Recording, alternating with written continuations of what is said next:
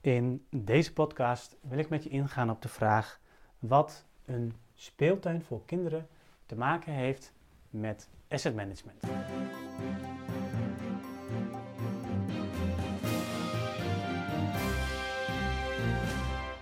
Als je bij jouw corporatie aan de slag bent met asset management, dan loop je er misschien tegenaan dat het niet altijd helder is binnen welke kaders jij je beslissingen kunt nemen.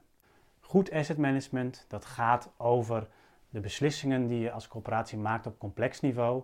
En als je dat goed hebt ingericht, dan kun je ervoor zorgen dat uiteindelijk een asset manager of iemand die de rol van asset manager aanneemt, ehm, dat die dan in feite zelfstandig ook verantwoordelijk is voor een groep van complexe of uh, in sommige gevallen voor het hele bezit als je een kleinere corporatie bent. Uiteindelijk zal diegene dan op complex niveau ook de beslissingen gaan nemen over doorexploiteren, verkopen, etc.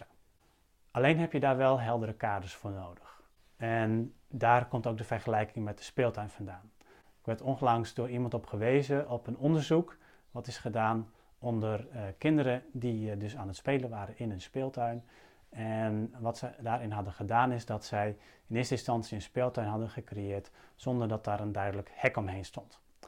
Wat je daar zag was dat die kinderen vooral gebruik maakten van de speeltoestellen in het midden van de speeltuin. Ze bleven een beetje in dat relatief veilige midden van de speeltuin.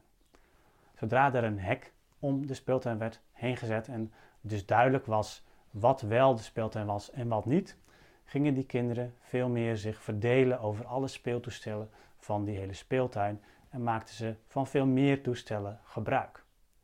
Ze voelden zich dus door het neerzetten van zo'n hek, neerzetten van heldere kaders, veel vrijer om binnen die kaders zich te bewegen. Ja, en dat is denk ik ook wat je met asset management kunt zien. Op het moment dat je heldere kaders hebt gezet vanuit je portefeuille management, dus je weet als corporatie waar je op corporatieniveau naartoe wilt. Uh, bijvoorbeeld met het aantal eengezinswoningen of met, het, uh, met energielabels of met uh, bepaalde huurprijsklassen waarin je zoveel woningen goedkoop wilt hebben of zoveel woningen juist in het dure segment. Als je dat helder hebt, dan kun je ook op asset management niveau aan de asset manager overlaten om op complex niveau de juiste beslissingen te nemen. En dan kunnen ze dat ook goed doen. Wat daarbij wel van belang is, en dat is met name een tip voor grotere corporaties, is op het moment dat je meerdere asset managers hebt die elk een deelportefeuille onder zich hebben om over te beslissen, dan zul je dus die kaders ook echt vanuit je portefeuillesturing op dat deelgebied moeten meegeven.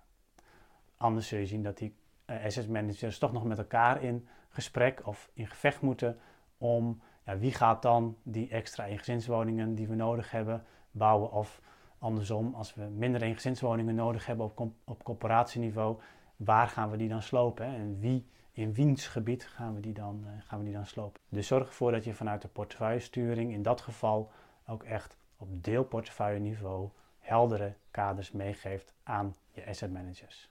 Bedankt voor het luisteren naar deze podcast.